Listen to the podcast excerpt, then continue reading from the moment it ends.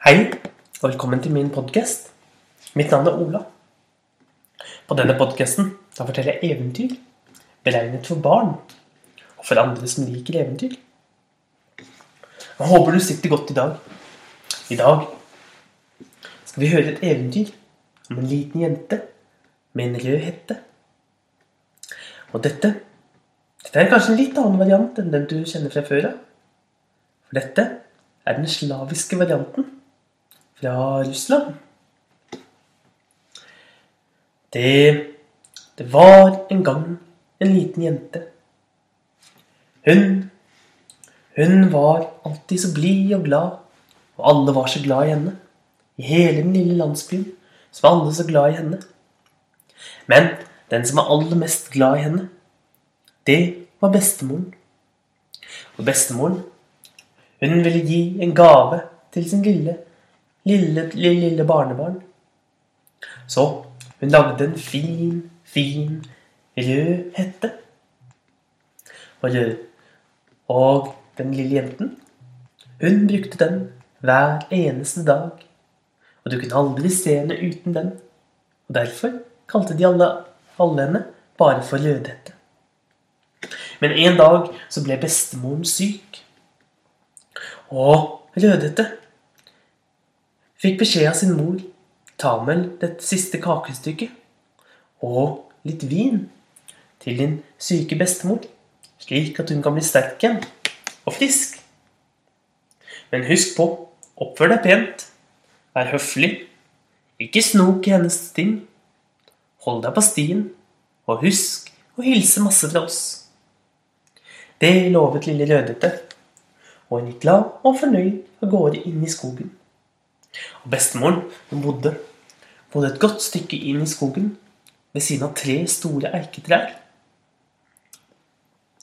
Og rett som Rødhette gikk av gårde, da kom den store ulven. Men Rødhette hun visste ikke at ulven var farlig, og hun sa 'God dag, ulv', og hilste så pent på den. Og ulven hilste tilbake og sa 'Hvor skal du, vakre Rødhette?' 'Å, jeg skal til min bestemor med kake og vin, for hun er syk.' 'Og det vil gjøre at hun får styrke tilbake igjen og blir snart frisk igjen.'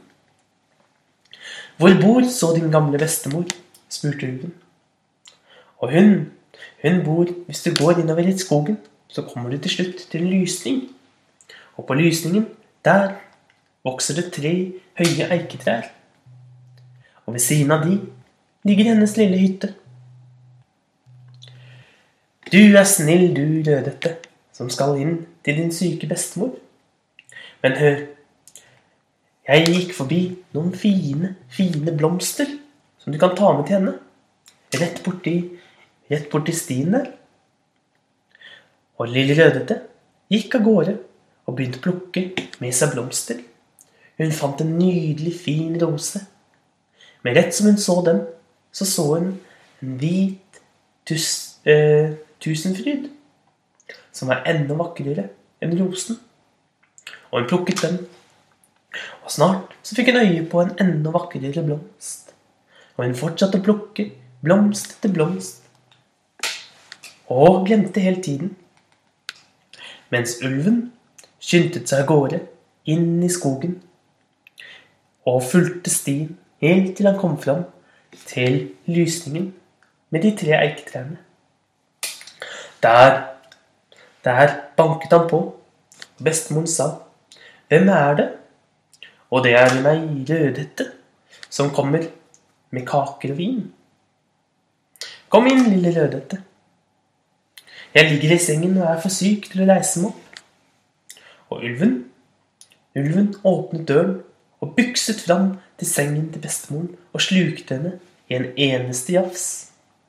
For ulven hadde nemlig tenkt at den hadde lyst til å spise både Rødhette og bestemoren.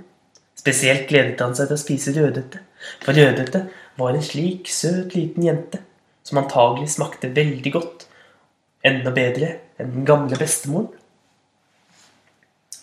Så tok ulven og la seg godt ned i sengen, oppi klærne til bestemoren. og lå og ventet på at lille Rødhette skulle komme gående. Imens hadde Rødhette plukket favnen full av vakre blomster. Den ene vakrere enn den andre. Og Rødhette kom så glad og fornøyd bort til den lille hytten og gikk rett inn. Der sa hun Hei, bestemor. Jeg skal hilses masse fra mamma og pappa. Vi har lagd kake og har med vin, slik at du snart skal bli frisk igjen. Og Rødhette tittet fra hjørne til hjørne og så at der var det mer støv. Men så kom hun på at hun hadde lovet å ikke snoke sakene til bestemoren. Så hun gikk bort til sengen, og så sa hun med ett. Så lange ører du har, bestemor. Det for at jeg skal kunne høre deg bedre, vennen min, sa ulven, den mykeste stemmen den kunne. Men, men, så stor nese du har. Det er for at jeg skal kunne lukte blomstene dine bedre, sa ulven. Men bestemor, så store hender du har, sa, sa Rødhette. Å, det er for at jeg skal kunne stryke deg bedre gjennom håret, sa ulven. Men så stor munn du har, bestemor. Det er for at jeg skal kunne spise deg, sa ulven og bykset fram og spiste Rødhette i en eneste jafs. Og ulven var så trøtt. Den orket ikke å reise seg og lukke døren, og bare ble liggende i sengen til bestemoren og snorke. Rett som det var, så kom en jeger gående. Han hørte snorkingen, og han tenkte det var da veldig som bestemor snorker i dag.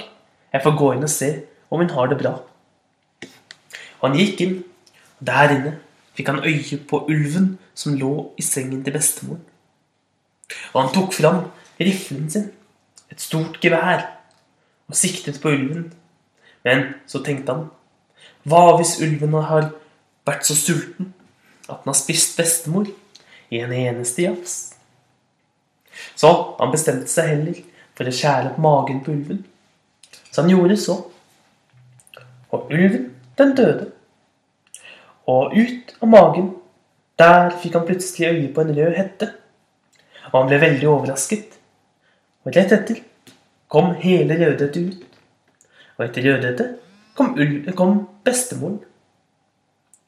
Og Rødhette og bestemoren de takket jegeren, og de alle sammen delte det siste kakestykket. Og fra den dagen så har alltid lille Rødhette passet på å holde seg på stien, være høflig og og ikke snoke i andre sine saker. Og det var den slaviske fortellingen om Rødhette og ulven. Takk for i dag. Ha en riktig god dag.